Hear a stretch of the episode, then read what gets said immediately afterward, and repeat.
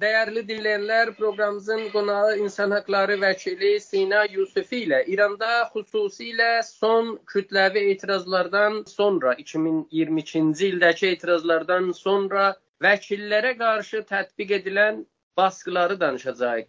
Sina bəy, öncə hazırda misal üçün həbsdə olan və ya başqa şəkillərdə çalışmasına izin verməyən əgər varsa hazırda məsələn nə qədər vəkil həbsdədir? Ən azından ya bizim bildiyimiz qədər, çünki həmişə adları yayılmayanlar da olur. Salamlar və sayğılar. O cür ki, bilirsiniz, e, Cümhuri İslami 45 il e, bundan qabaq iş üstünə gələndən vəkil və qanunu vəkəla ilə həmişə müşkülü vardı. Çün vəkil və qanunayı vəkəla, vəkillər qanunları bir məcmuədir ki, dünyanın hər yerində müstəqillidir. Yəni hakimiyyətdən e, müstəqillidir və demək olar e, bu bir e, beynəlmiləli bir e, məsələdir ki, gərək e, müstəqil ola. Çün bəzi pərvəndələrdə hakimiyyət ya e, hakimiyyətin mənafeyi müttəhəm caygahında qərar tapır və lazımdır ki, vəkilin istiqlalı ola ta eləyə bilə hakimiyyətin qabağında difə eləsin. Cümhur İslamı əvvəl illərdəki iş üstünə gəldi. Bu e, müxalifəti sirahətlə, yəni dedi və çox e, bais oldu ki, e, Doran Fitrət deyirlər. Bir müddət e, qanunu vəkala tətil oldu və fəaliyyətinin qabağı alındı. Vəli sonra e, gəldi bir bu siyasəti qanun şəklində e, qabağa apardı və bəzi qanunlar təsvib elədi ki, qanun vəkəlanın istiqlalını aradan aparsın. Yəni o illərdən sonra demək olar e, tədrici halətdə qanunlar təsvib elədi ki, ə, məhdud eləsin ə, vəkillərin dixalətin pərvəndələrdə. Və indi də yetişib bir zamana ki, bəzi qanunlar təsvib eləyibdir ki, məxsusən əmniyyəti pərvəndələrdə, siyasi pərvəndələrdə e, vəkilin dəstrəsisin pərvəndiyə və e, şəxsin dəstrəsi vəkilə məhdud olubdur və çox rahat eləyə bilir ki, e, pərvəndələrdə beduni ki, bir şəxs haqqı difacisindən istifadə eləyə və eləyə bilə özü vəkil intiqab eləyə, o şəxsi mühakimə eləyir və ağır e, demək olar mücazatlar da e, sadir olur və edam mücazatı, şəllaq mücazatı ki, biz e, şahidik. Əlavə bər o qanunu vəkələyə vurudu, yəni bir, bir şəxs istəyir e, varid qanunu vəkələ ola. Bəzi filtrlər vardı bizim e, Azərbaycan özündə e, çoxları vardı ki, vikalət azmunundan, imtahanından çıxıblar, amma pərvani vikalətləri əmniyyətin əhadlarının dixaləti ilə qabağa alınıbdı nümunəsi hala Risani olubdu.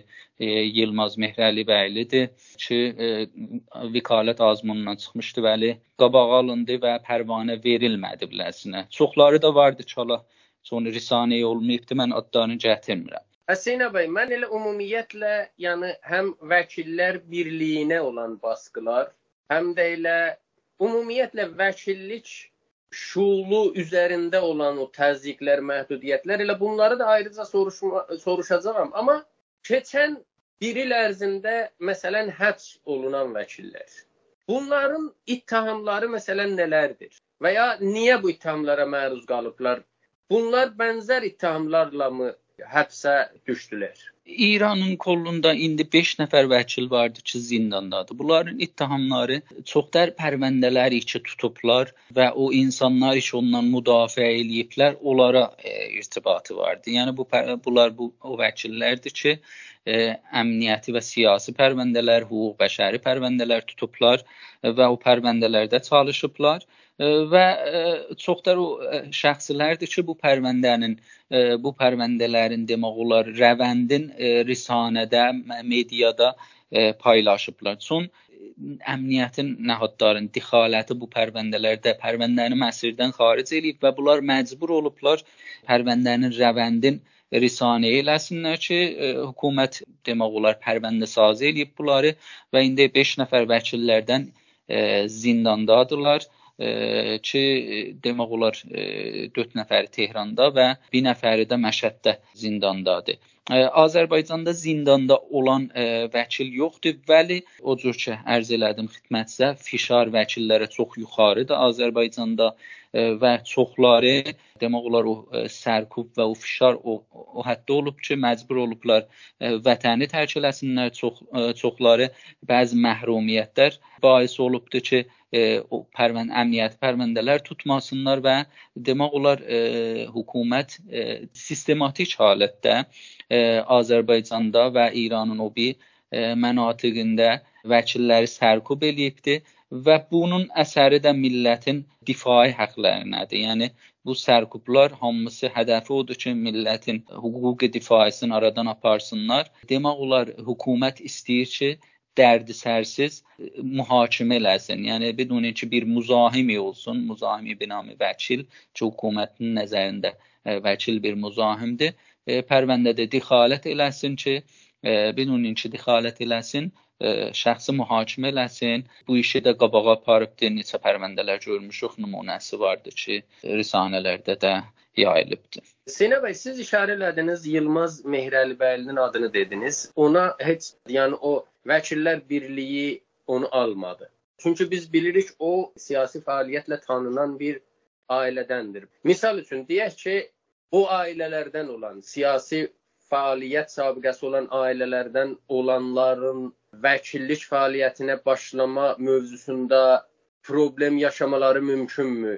Biri e, vəkalət ərsəsinə varid olmağa, e, bir azmun vardı, istəsə o azmunda şirkət eləyir, Sonra bəzi istelamlar vardı. Yəni bir qanuni vəkalətdə bəzi məracidən istelam eləyirlər səlahiyyət o şəxsə görə. Ki bu istelamlar da məşvirətidir. Yəni əgər o şəxsin məhkumiyyət müəssiri keyfərisi olmasa, heç nəhad eləyənməz onun qabağını alsın, yəni qanun vəkalanın qabağını alsın, pərvani vəkalət sadir eləməyə. Ki çox məsələn əmniyyəti nəhadlar çox demək olar e, şəxslərin vəkalət pərvanəsi sadir olmaqla müxalifət eləmişdi çox ə, e, zamanlar. Amma qanunu vəkala eləyə bilər, təvəccüh eləməsin və pərvanə sadir eləsin. Vəli Yılmazın moridində təəssüflə qanun vəkalanın o cür ki ərz elədim xidmətinizə, hökumət tədrici halətdə varid olubdu. İndi qanun vəkalanın müdiriyyətin demək olar hökumət intixabatda müdiriyyət eləməklə müdiriyyətin alıb əlinə və demək olar bədənəni, bədəni vəkaləti ki, vəkillərdir, müdiriyyətdən ayrı eləyibdi. Yəni Sinə bəy, sadə dillə desək, bu vəkillər birliyinin tamam əlində bəzi səlahiyyətlər var, amma oraya da nüfuz edirlər. E, dəqiqən indi e, hökumət nüfuz eləyibdi qanun vəkalanın müdiriyyətinə, məxsusən e, sabiq heyət müdirə ki, bu təzə heyət müdirə 2-3 aydır gəlibdi. Ondan qabaqçı heyət müdirə ə, e, kamilən demək olar quş be fərmanı nəhadhay əmniyyəti idi. Biz burada xüsusilə Təbrizi, Şərqi Azərbaycanınkını danışırıq. Bəli, Azərbaycan və hətta mərkəz, qanuni mərkəz ki, Tehranın e, qanunudur, e, şədid halətdə. Yəni Azərbaycanın şayət bir iki şəxsi heyət müdirə də bu cür əmniyyəti şəxsidir. Vəli e, Tehranınki təəssüflə çoxtər o e, yəni o cəriyana bağlıdırlar və İranın hər nöqtəsində qanunlara varid olublar və müdiriyyəti demək olar bədənədən ayrı eləyiblər və o cür e, yəni bais olurlar bu məhrumiyyətləri yaşasın o şəxsi ki, haqqıdır pərvanəni e, kəsb eləsin, vəkalət pərvanəni kəsb eləsin, vəli demək olar ki, pərvəndəsi olmadan, yəni məhkumiyyəti olmadan məhrum olur vəkalət pərvanəsi almaqdan. Sinə bəy, biz keçən illərdən bəri yəni bu baskılar var, məhdudiyyətlər var, amma yenə də biz görürük elə həm Azərbaycan şəhərlərində misal üçün türk fəalları, siyasi fəalları, insan haqları fəallarını müdafiə edən vəkillər var indi də.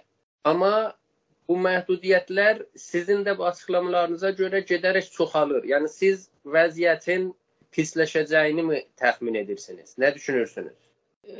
Baxın bir bu 10 il ə, əxir, yəni axir 10 ili biz ə, ə, bərrəsi eləsək, hökumətin bir siyasəti vardı.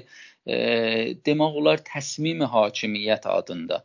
Hakimiyyətin təsmimi budur ki, e, məhdud eləsin vəkilləri, e, vəkillər o vəkilləri ki, hüquq bəşəri vəkildilər. onları məhdud eləsinlər və o şəxslər ki, o təfəkkürlə var, onların e, vikalətə varid eləmağının qabağını alsınlar. E, və bu siyasətlə gedib qabağa e, məclisdə bəzi qanunlar təsvib eləyibdi və vəziyyət getdikcə də e, yəni demək olar çox e, pisləşir bu moriddə. E, yəni biz de, e, deyə bilərdik ki, 2 il bundan qabaq e, şahid çox adamları saya bilərdik Azərbaycanda o bir İranın o bir mənatiqində e, hüquq bəşəri vəkillərinin çoxunu saya bilərdik. İndi e, çox azdır. Şayət məsələn e, 10 nəfərə e, yetişməz ki, İranın kolunda hüquq bəşəri vəkilimiz var. Azərbaycanda e, azdır, Tehranda azdır, cəmiyyətin nisbəti ilə hesablasaq şayad e, Azərbaycan məntəqəsi, məntəqəsindən də aztərdir. E, təəssüflə hakimiyyət o şəxslər ki, əmniyyəti pərvəndələr işləyirlər, hüquq bəşəri düşüncələri vardı, e, onları təhdid ilə e, və pərvəndəsazi ilə demək olar qabaqların alır və e, getdikcə bu vəkillər azlaşır. Çox sağ olun Sina bəy, təşəkkürlər müsahibə üçün. Siz də sağ olasınız, yorulmayasınız.